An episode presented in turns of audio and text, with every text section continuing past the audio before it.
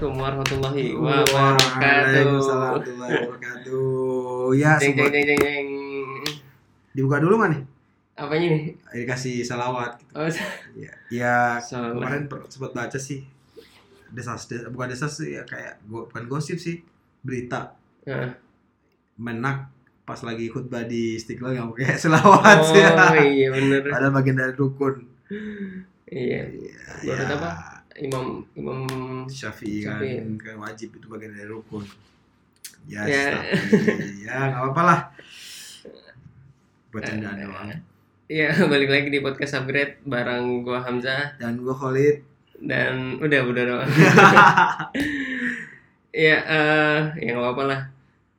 Nah, malam, pada malam hari ini kita cuma berdua Hmm, karena yang lain sedang iya pada nggak bisa. Dan kita cari panel lain juga nggak bisa juga. Iya nggak apa-apa. Kita tetap semangat.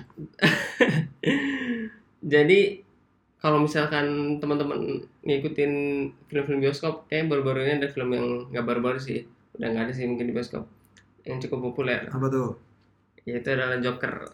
Ya udah lama itu mah. udah lama ya. Eh baru baru. Jadi kan quotes kan bagian di Twitter gitu kan ngomong orang jahat adalah orang yang baik yang tersakiti. baik tapi disakiti.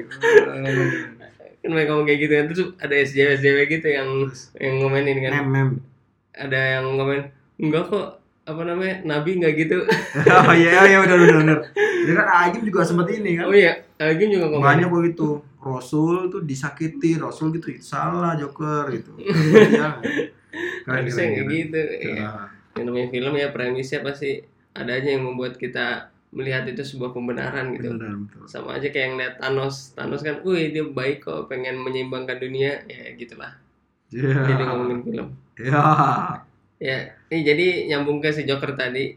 Ya kita akan coba ya me- apa ya me- mengulik sedikit dan membuka membuka wawasan teman-teman. Mungkin ini sebagai pembuka aja Tentang gitu. Joker ya. tentang Joker dan musuh-musuh Batman lainnya ya enggak lah. Gitu. Malah baca ini kita DC. ya malah nggak ngerti kita sebenarnya ya ini juga nggak ngerti amat sih jadi kita akan ngebahas tentang Rasul dan Rasul Nabi dan ya turunan-turunannya Jadi kalau kita flashback sebenarnya ini masih ada keterkaitan ya eh, Hmm. kesinambungan dari sebelumnya. Yang pertama kalau teman-teman ingat ada refleksi syahadatain hmm bisa dilihat di podcast kita tag berapa itu episode kedua ya. ah iya Episode Pak. kedua kan? Iya kedua benar kedua. Terus eh, penjabaran dari syahadat kan ada dua ya. Yang pertama itu kan terkait sama Allah atau ma'rifatullah. Itu udah kita bahas di podcast yang ke 6. 2 tambah Hmm. 4 soalnya kan. iya tambah empat- empat empat. oh, pas banget sekarang Terus sepuluh ya berarti sekarang ke 10 kan, tambah 4. Dan di podcast 10 ini kita polanya kan ya kayak refleksi keislaman kita selama ini dan emang benar-benar perspektif kita. Jadi ntar kalau ada yang salah kita terbuka banget buat dikritik, dibully, dilaporin ke Ustadz Hanan gitu, biar terkenal. kan dibully kan bukan berarti nggak cinta gitu. ya nah. bukan, di, bukan dibully siapa diingatkan bukan dibully ini gitu Ah, Oke. jadi gimana udah pada tahu belum apa itu. Nabi Rasul ya Iya. Jadi apa ya? Kalau kalau Rasul itu kan sebenarnya apa? Utusan kan ya? Arti secara ini Rasul itu utusan kalau dalam Islam. Iya. Kalau menurut gue yang paling menarik sebenarnya kenapa kok eh, dalam syahadat kita itu menempatkan Allah dan Rasul. Hmm. Syahadat.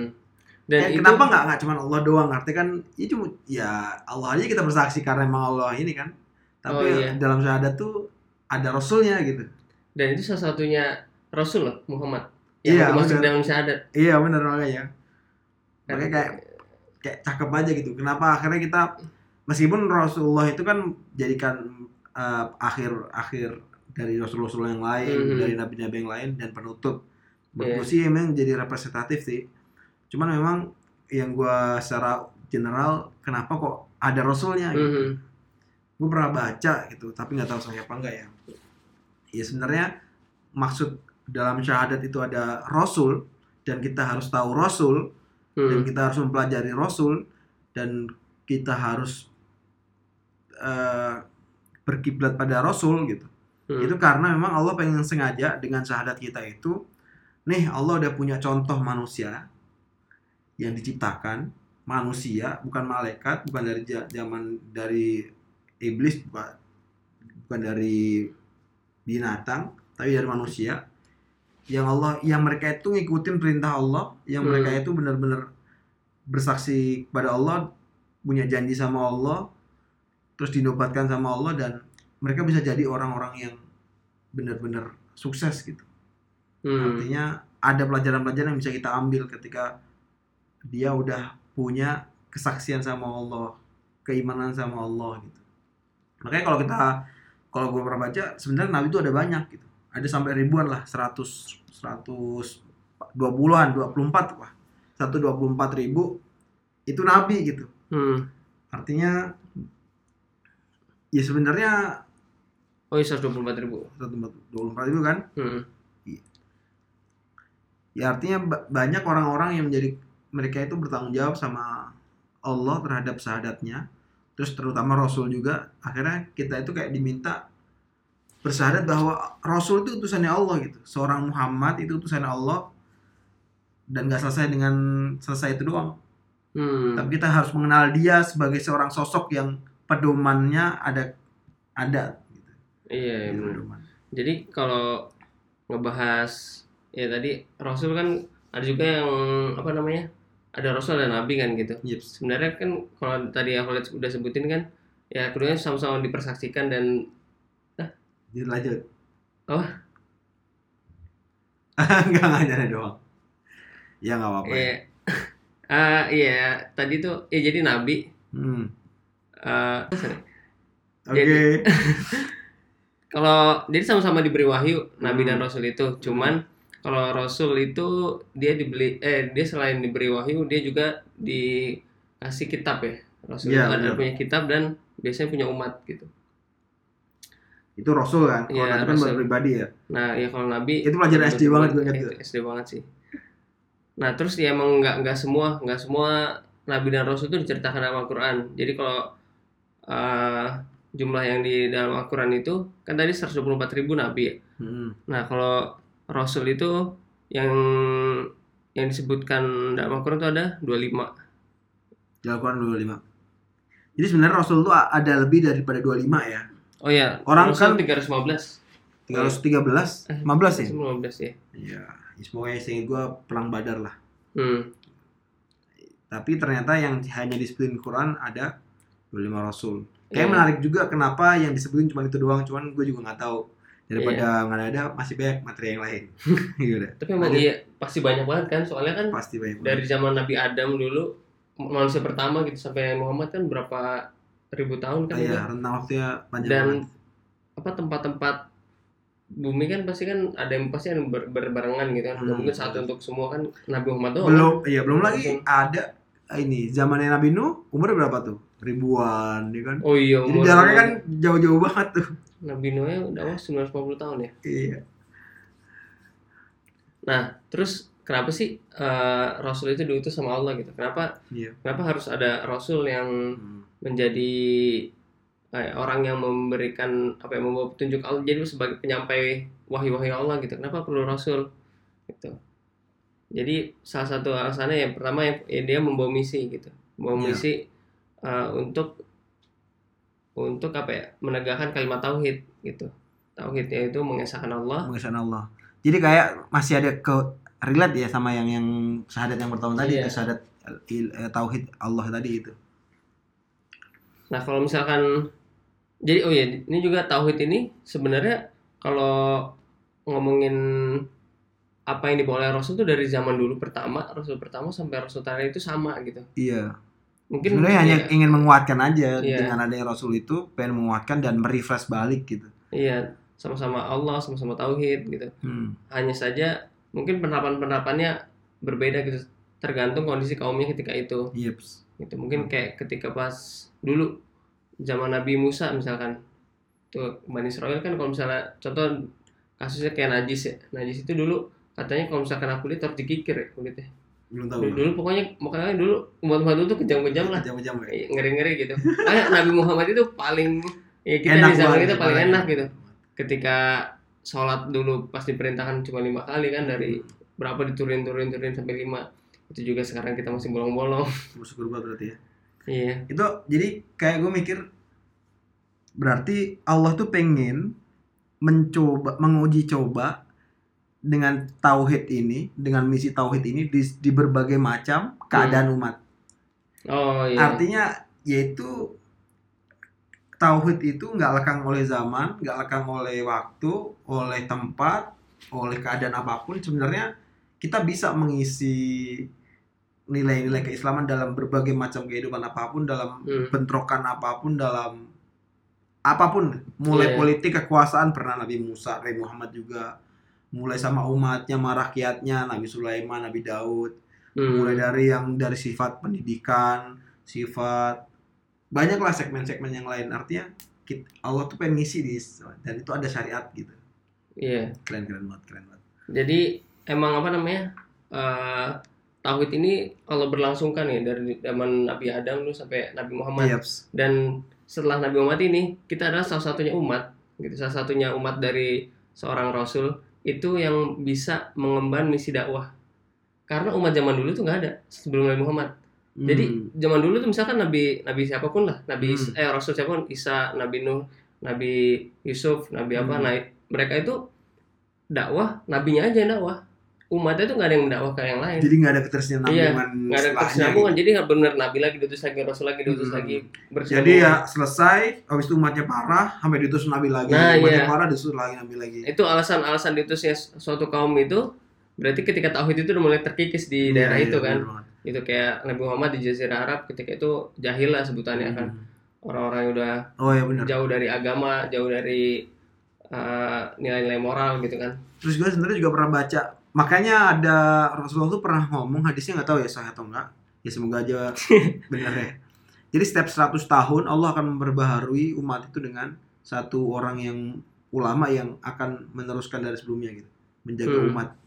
Nggak tahu seingat gue sih konteksnya cuma di Syam gitu. Jadi Allah itu bakal menjaga negeri negeri Syam.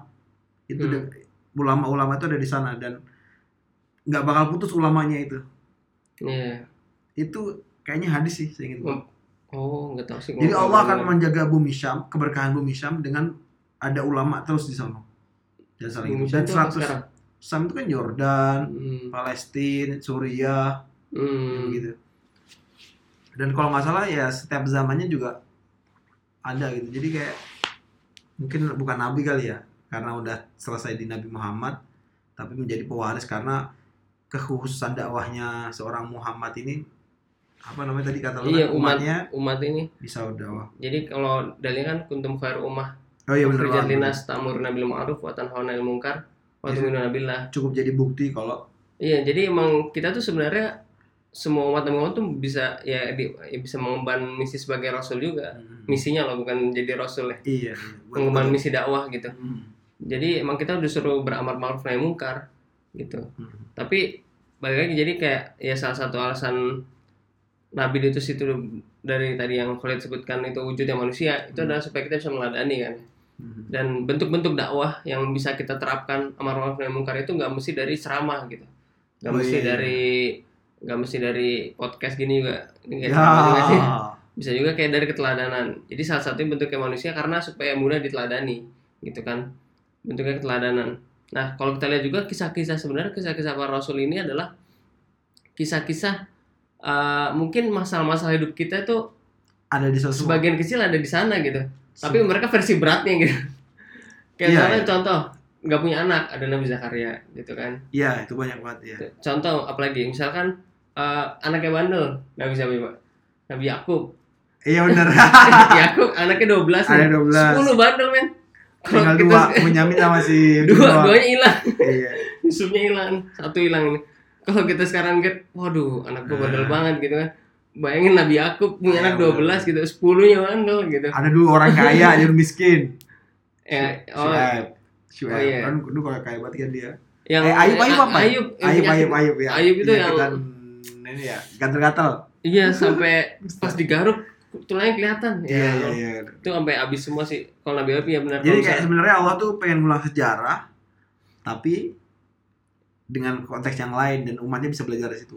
Makanya gue pernah tahu Quran itu dua pertiganya siroh Iya, Siro. sejarah ternyata setelah gue lihat hikmahnya itu karena memang kita suruh balik ke Quran nggak cuma sebagai bacaan doang tapi sebagai pedoman benar pedoman hidup itu yang Allah Iya, udah rangkum dari nabi ceritanya. pertama makanya nabi 25 rasul itu emang benar-benar disebutkan emang bisa kita ambil cerita gitu Mungkin semua masalah kita udah pernah ada di kisah Iya, 25 benar, itu ya, iya. kalau misalnya kita lihat gitu. Mhm.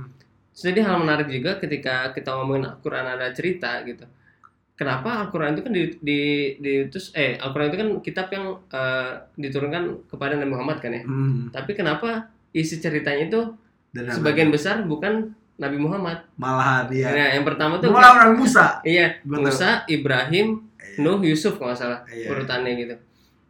Kenapa gitu? Padahal itu kan kalau ibaratnya kalau kalau dulu pada apa orang kafir Quraisy pada bilang, "Wah, ini buatan Muhammad." Lah pasti kalau kayak gitu Muhammad mau bikin aja bakal kan. hidup dari Iya, ya. bakal di situ cerita tentang Muhammad Ah. semua gitu kan. Cerita Muhammad semua dan ngebaik-baikin Muhammad semua. Sedangkan Al-Qur'an itu isinya ada teguran kepada Muhammad secara langsung gitu kan. Iya, Ngapain kan iya, jelek-jelekin benar. diri sendiri kan ya kalau Iya, bikinan dia.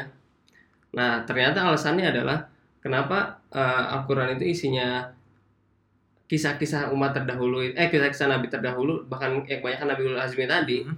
itu itu yang tadi sebenarnya udah lu mention jadi sebagai eh, peneguh hati Muhammad gitu. Hmm. Jadi uh, sebagian besar cerita-cerita kisah-kisah yang kayak Nabi Musa itu tuh ketika Rasulullah uh, tahun ke-11 uh, kenabian gitu. Ketika itu Hmm, adalah iya, iya, benar-benar. Amul-Huzn. Amul-Huzn ketika ketika itu Mekah tuh kondisinya sedang uh, orang kafir Quraisy sedang gencar-gencarnya untuk uh, apa ya?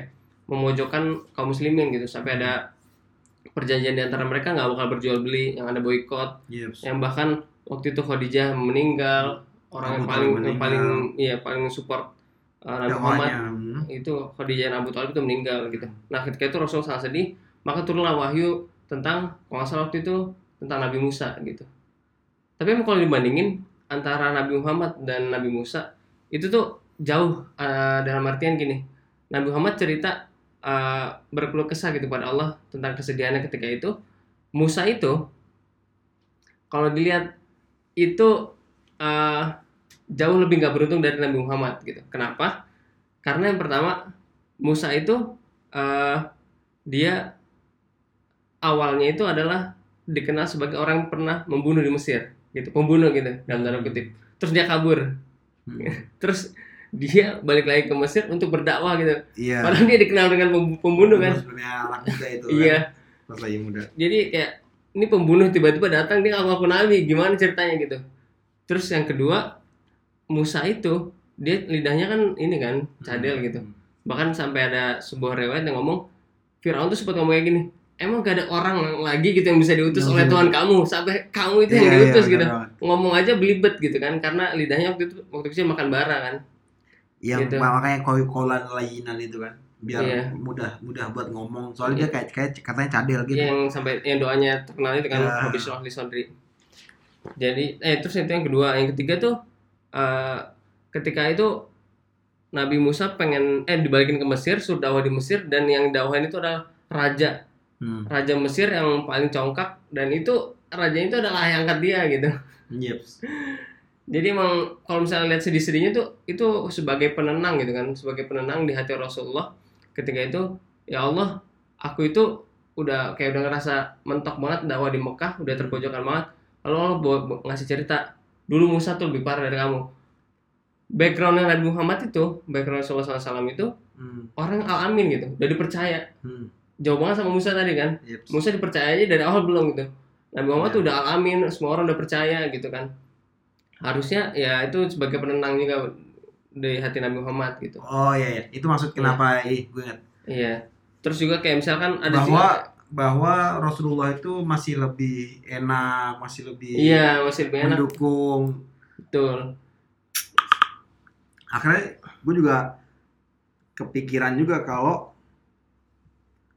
Muhammad ini atau Rasul-Rasul yang lain ini memang dia menjadi apa namanya kalau secara ini kalau tadi bukti-bukti jadi kayak dia tuh mau me- memoderatori atau memfasilitasi orang Hmm. untuk mengakui eksistensi Tuhan gitu. Oh iya. Jadi kita sebenarnya kita sedang sadar kayak pernah perkataan filsuf Yunani gitu. ini bumi se- segede ini, alam segede ini, seindah ini, serumit ini, sekompleks ini tapi nggak ada yang tapi beraturan, kayaknya ada yang menciptakan lebih besar daripada ini. Gitu. Hmm. Tapi kalau kita tuh nggak dikasih petunjuk, nggak dikasih hidayah gitu, nggak dikasih Hmm. ada orang perantara yang ngasih tahu eksistensi itu, kayaknya kita bakal Iya susah kalau kita jadi Nabi Iya. Ibrahim juga. makanya Semua orang kabar- jadi Ibrahim. kabar-kabar yang disampaikan sama iya mungkin bener kata lu. susah juga kalau mau jadi kayak orang eh, Nabi Ibrahim itu makanya kabar-kabar yang disampaikan sama seorang rasul dan rasul-rasul sebelumnya dengan pesan-pesannya itu yang udah dituangkan di Quran dan khususnya Nabi Muhammad tentang hadisnya itu itu kan kayak menggambarkan bahwa ini ada eksistensi lain yang lebih besar yang lu selama ini secara fitrah lu lu pertanyakan gitu secara Hmm. fitrah kita tuh ini pasti ada yang menciptakan gitu contohnya kita bukan lepas dari Islam ya contohnya kita kayak berpikir kayak tadi si filsuf tadi kalau nggak salah si Socrates dia ngomong tadi itu ini nggak mungkin kalau nggak ada yang nyiptain dan pasti yang nyiptain lebih gede itu itu terkenal banget quotesnya itu Hmm. ini alam bisa segede ini bisa serumit ini tapi nggak bertabrakan dia ngomenin keindahan pas waktu keindahan Hmm. alam pasti ada yang ciptain jadi kalau nggak dihubungkan gitu perantara itu makanya tugas Rasulullah kan Rasul dan Rasulullah yang lainnya kan itu berat banget gitu tapi secara fitrah ngena gitu. jadi Allah pengen ngasih tujuan salah satunya kenapa nurunin Rasul ya mungkin gara-gara itu biar secara fitrah manusia tuh bisa nerima eh, nyampe lah ke akalnya gitu Iya. dan di beberapa hadis juga eh, dikatakan bahwa Allah itu nyuruh Rasul itu sesuai dengan umatnya mereka masing-masing. Iya Jadi, benar. Bahasa bahasanya gimana? Dan juga ini mujizatnya. Eh, mujizatnya bener. Jangan lupa, Pokoknya jadi ya. gambarin ya. Nabi dan Rasul itu dibekali oleh Allah dengan mujizat dan mujizatnya itu yang perlu digarisbawahi mujizat itu sesuai dengan kaumnya keadaannya kondisi saat itu Betul dan momennya cuma saat itu Dan gua masih ingat itu, iya bener. momennya cuma sekali itu doang Soalnya dalam bahasa Arab sendiri mujizat itu as- asal katanya ajaz. Ajaz Hmm. itu tua, lemah. Artinya ketika gue tampilin itu akan melemahkan yang lain. Oh. Sosok-sosok atau sesuatu-sesuatu yang bisa melemahkan Allah. Hmm, atau menduakan Allah gitu. Akhirnya mukjizat sesuatu yang bisa melemahkan gitu. Iya. Jadi itu keren banget. benar-benar jadi kalau misalkan dibilang misalnya Nabi Nabi Musa membelah Hmm. lautan kalau misalkan setelah itu dia suruh ngebelah lautan lain nggak bisa Iya benar banget iya. momen itu doang Momen gitu. itu doang. iya. Iya, ya dan ya jangan lupa kayak mukjizat emang yang paling besar itu adalah Al-Qur'an. Al-Quran. Ya, so- soalnya menurut gue ya untuk melemahkan kaum yang lain dan sampai sekarang Al-Quran masih ada kan soalnya kenapa? Iya. Kita jadi hasil dari mujizat itu gitu. Iya, kita, kita, menja- yang membawa menjaga mujizat itu kita gitu. dan kita kembali terus menjadikan Al-Qur'an itu penguat diri kita gitu. Iya. Dan orang banyak yang dapat hidayah dari Al-Qur'an itu kan. Iya. Makanya Oh. menajiskan yang lain, melemahkan yang lain Iya. karena kita membawa misi itu gitu. Keren banget itu memang Emang Al-Qur'an tuh kekhususannya. kalau dipikir-pikir kan mujizat lain mungkin keren gitu, ngebelah lautan, Iya. menghidupkan orang mati, kebal gitu diba- dibakar misalkan Nabi Ibrahim. Tapi dia insidental itu doang. Nah, itu insidental, sat- satu kali doang ya. Al-Quran ini nggak perlu ada Nabi Muhammadnya lagi gitu kan. Al-Qurannya jalan sendiri. Bisa jalan masih sendiri. dibawa Nah, dibawa umatnya setelahnya. Tapi orang banyak masuk sendiri dengan membaca ya Allah luar biasa banget. Dan Allah udah janji itu bakal dijaga gitu. Iya dan Allah menjamin Al-Quran itu akan tetap sama gitu Hmm. dari pertama kali disampaikan sampai hari ini eh sampai nanti kiamat gitu. Nah terus apa sih sebenarnya yang dibawa misi yang dibawa oleh eh, para rasul? Salah satunya adalah eh, bas- apa nih al bisyarah. Oh iya bisyarah. Kabar gembira. Kabar gembira Hmm, gitu. benar. Jadi ya eh, banyak banget kayak kabar-kabar gembira buat orang-orang beriman gitu kan.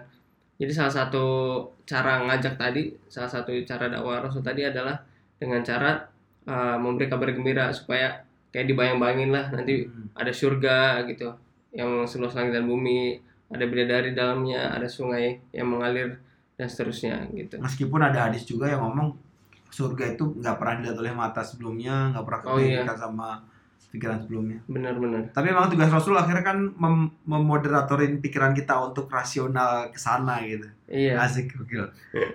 Emang kalau nggak kalau nggak gitu kayak Ya udah ya, susah gitu. susah kita kayak nggak nggak kebayang juga kan. Atau akhirnya kan kita jatuhnya begini, contohnya Allah nyuruh kita sholat gitu. Terus Allah tuh nyuruh kita sholat gimana gitu? Apa tiba-tiba ada geledek eh, halilintar, geledek tuh ya bahasa bahasa Indonesia ya, halilintar itu apa namanya oleh duar terus di sholat kayak gini gitu kayak terus muncul kan jadi akhirnya oh Rasul ini emang penting banget gitu. Benar-benar buat menerjemahkan ayat-ayat langit buat kita bisa nerima itu. Rasulullah juga menjabarkan lebih ini soalnya caranya begini begini begini. Kan nggak mungkin Allah menyuruh malaikat terus memperlihatkan yang malaikat gede gitu. Terus tiba-tiba sholat. Iya. terus tiba-tiba malaikat turun menyerupai manusia. Dan dia bukan seorang nabi bukan seorang rasul. Terus tiba-tiba sholat tuh nggak ada kepercayaan nggak ada trust nggak ada apa-apa gitu tiba-tiba sholat akhirnya kan kayak kita mikir emang ini butuh nabi sih gitu Iya yang butuh nabi. percaya gitu Dan ini inilah nabi itulah kayak nanti yang memisahkan kita, membedakan kita antara umat yang percaya gitu dan yang enggak gitu. iya kan. benar Kalau langsung nurunin malaikat pasti wah kelihatan kan wah bentuknya semua umat percaya ya buat apa gitu kan? Ada ada yang ada dosa, ada pahala gitu kan Hmm. nggak nggak bakal membedakan kualitas keimanan eh, apa manusia gitu kan. Gitu. nah, sejarah bisyarah ya sebagai kabar gembira nabi itu bahwa Allah tuh menjanjikan yang Iya, gue jadi paham bener-bener. Soalnya Allah nggak mungkin langsung ngomong gitu ngomong, woi manusia gitu kan nggak mungkin kan. Iya Dan dia pakai cara-cara Nabi dan cara-cara Nabi itu sesuai dengan kaumnya tadi. Rasul yang lainnya itu juga dan terutama Muhammad ya. Itu mereka juga menjadi pedoman hidup akhirnya. Mereka menjadi kayak sarana yang nggak cuma sekedar teoritis, tapi mereka juga ngasih tahu gitu. Mereka menjadi sebagai apa namanya agen untuk ngasih contoh yang lain gitu. Ngasih contoh. Jadi nggak cuma sekedar bisyarah ngasih pering apa kasih kabar gembira, eh ntar lu bakal masuk surga segini kalau gini tapi mereka itu gimana cara nyembah Allah gimana cara ibadah sama Allah terus gimana jadi nggak cuma teoritis Hmm. contohnya oh sholat tuh ya udah kalau kamu mau ibadah sama Allah sholat Hmm. tapi nggak nggak cuma sekedar itu doang gitu jadi kayak balik kayak tadi cuma ngulang cuman kayak gue tuh pengen nguatin bahwa jadi Rasul tuh nggak sekedar menjelaskan pedoman hidup secara teoritis gitu tapi mereka juga menerapkan secara langsung dalam kehidupan mereka dan mereka akhirnya jadi sebuah se- seorang contoh hidup gitu Hmm. akhirnya manusia bisa menjadikan itu oh Islam tuh sebagai pedom- pedoman gitu nggak Hmm. cuma sebagai gaya atau agama semata tapi nggak ada belakangnya gitu yang Allah udah kasih mentor-mentor tadi ya Nabi sebagai mentornya tadi Iya. Dan dan ya luar biasa banget kan kalau kita pikirin sebenarnya Nabi Muhammad itu ya atau Rasulullah itu kan berdakwah tuh cuma 20 dari 40 sampai 63 ya 23 tahun ya. Hmm. Dan itu tuh tapi kayak semua hal Islam itu bisa mencakup semua Yes, lini kehidupan kita gitu. Hmm. Itu tuh dari Al-Qur'an aja dan dari kehidupan Muhammad aja itu tuh kayak intisari yang sangat padat dan Yes. bisa diekstrak ke segala macam pertanyaan dan permasalahan hidup kita sehari-hari sekarang ini. Dan bahkan tak lekang oleh zaman gitu kan. Zaman apa pun masih bisa ngerujuk ke situ masih bisa menemukan jawabannya dari si Rasulullah dan dari Al-Quran tersebut. Terus ini lu pernah tahu gak sih syarat diterimanya amal tuh ada berapa? Ada tiga yang apa? ada dua syarat diterimanya amal. Oh. Dari ibadah. Yang pertama ikhlas karena Ikhlas. Allah. Dan yang mencontoh kedua Rasul. itibar rasul. Hmm. akhirnya kepikiran gak sih kenapa kok ada itibar rasul? Kenapa nggak cuma ikhlas sama Allah? Akhirnya cara Hmm. orang itu untuk mengaktualisasikan kepada Allah itu juga nggak sembarangan. Yang akhirnya orang bisa menerjemahkan yang lain. Makanya harus sesuai dengan rasul. Oh Ngerti iya, karena sakral banget. Itu, itu akhirnya jadi jatuhnya sakral. Terlepas apakah nggak gue nggak lagi ngomongin bid'ah nggak bid'ah itu kan masa masih debatable ya. Iya. Tapi yang bener-bener ada satu konteks yang kita harus sesuai dengan Rasulullah gitu. Iya.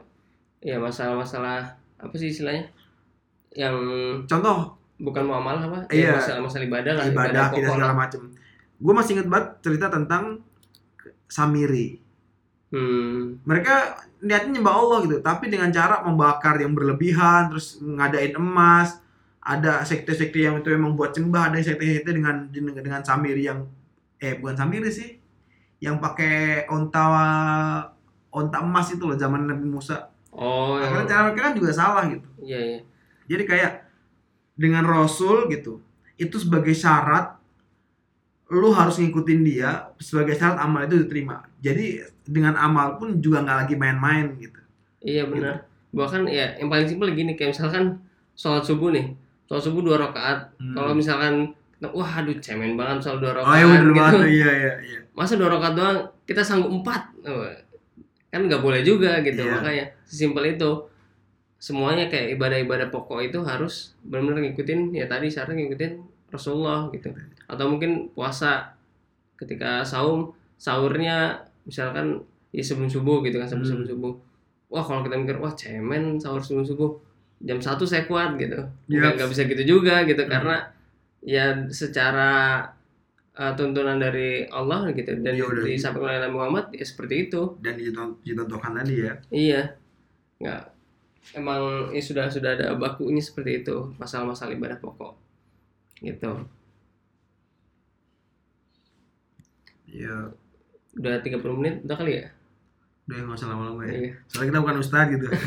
Tapi kita udah nyemangatin lah pokoknya dengerin ustadz-ustadz yang keren tentang marifatul rasul tuh bagaimana. Soalnya ini penting banget ini.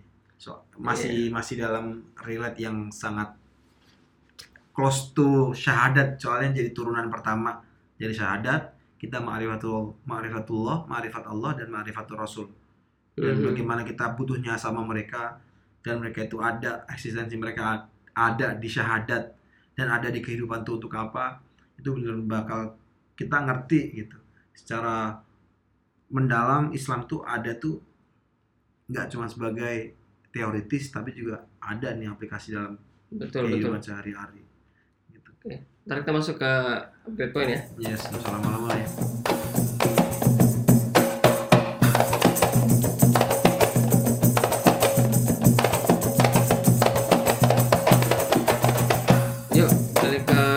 Point. Hmm. kalau dari gue sih sebenarnya uh, ada dua hal ya. Jadi yang pertama kenapa sih kita harus mengenal Rasul gitu? Hmm. yang paling utama kan tadi adalah keteladanan gitu.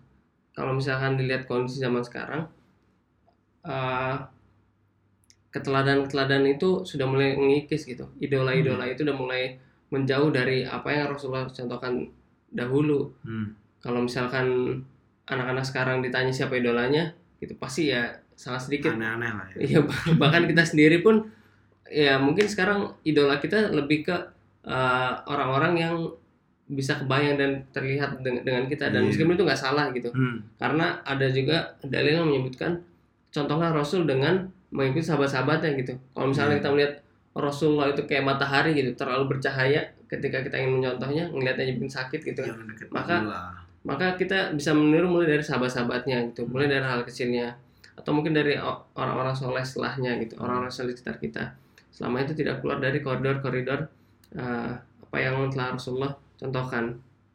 Yang kedua tadi adalah misi dakwah gitu. Ketika eh, seluruh umat sebelum Nabi Muhammad itu nggak punya ini gitu nggak punya kewajiban dan nggak punya apa ya sebenarnya hak prerogatif gitu Hmm. untuk bisa berdakwah kita tuh sebenarnya dikasih apa ya ladang pahala yang sangat besar gitu ketika Hmm. Allah mengizinkan kita dan justru ya menyuruh kita untuk berbuat amar ma'ruf nahi mungkar dan kita jadi ibaratnya kayak tangan kaki Nabi Muhammad tangan kaki Rasul gitu Hmm. kita juga bisa berdakwah dan kita mendapat pahala jariah dari eh, dari ya melakukan dakwah itu tadi gitu maka jadilah kita pribadi contoh sebagai seorang muslim yang bisa menjadi teladan orang-orang di sekitar kita karena bentuk dakwah itu nggak cuman dari ceramah nggak cuman dari eh, nge-share-share konten gitu tapi yang paling at least ya itu dari lihat orang-orang lihat kita orang sekitar kita ngeliat kita itu gimana ngeliat kita sebagai uh, pribadi muslim uh, yang bisa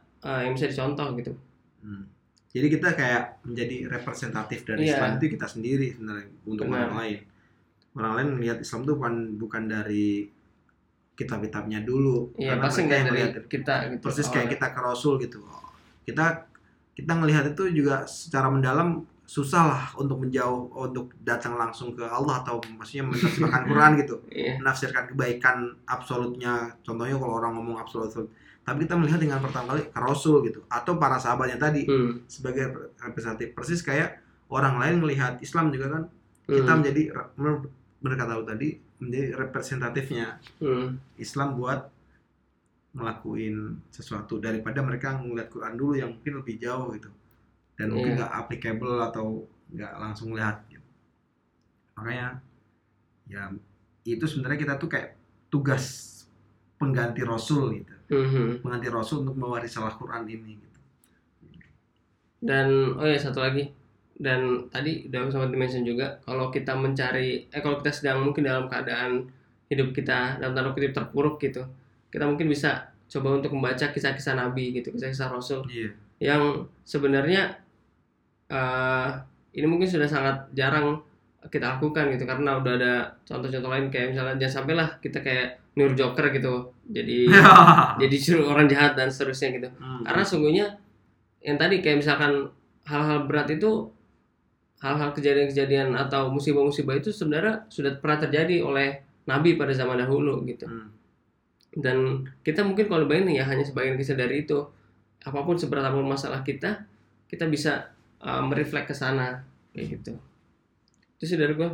Lo ada nggak? Kalau gua ya dengan kita tahu Rasul, kita akhirnya jadi tahu gimana batasan-batasan gitu. Dan Hmm. gimana yang bisa kita lakukan gitu.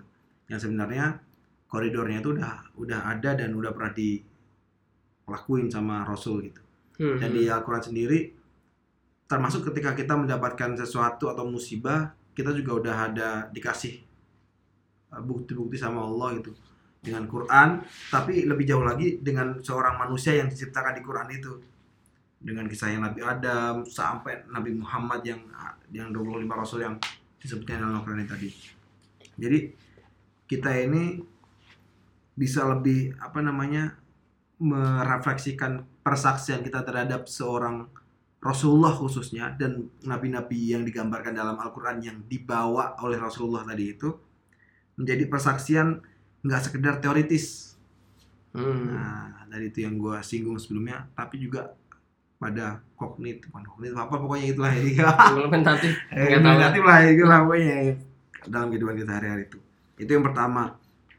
Jadi terus kemudian yang kedua kita juga karena kan punya kewajiban terhadap mereka hmm. kewajiban kita juga kita harus apa namanya membela risalahnya membela Hmm. apa yang beliau bawa jadi nggak oh Islam tuh nggak perlu tuh dibela kalau gue komen ya terlepas saya menghormati beliau beliau yang mengatakan Islam nggak perlu dibela mungkin beliau punya apa namanya background keilmuan yang lebih mendalam dan Hmm. pandangan. Tapi kalau menurut gua ya Islam mesti kita bela gitu. Karena bentuk ki- kita membela Nabi Muhammad dan kita membela Nabi Muhammad kalau saya Islam gak berdua Nabi Muhammad kenapa harus ada gitu? Iya Nanti- kenapa nggak orang islamin semua gitu kan? Iya kenapa nggak langsung bawa Islam juga yang segala macam? Maksud gua ini tugas Rasul gitu Iya. kenapa nggak Allah turunkan langsung Islam terus nggak nggak butuh Rasul karena untuk membela Islam itu? Kan kan eh, karena tugas kita bukan berarti kita pengen sok-sokan pengen jadi nabi ya. Emang menggantikan Rasul gitu menjadi orang-orang terpilih untuk menjadikan bukan Rasul-Rasul baru. Gimana? Gue tuh bingung. Kayak ya udah kita udah bersaksi bahwa kita Rasulullah itu contoh kita gitu. Untuk membela Islam lah untuk segala macamnya gitu.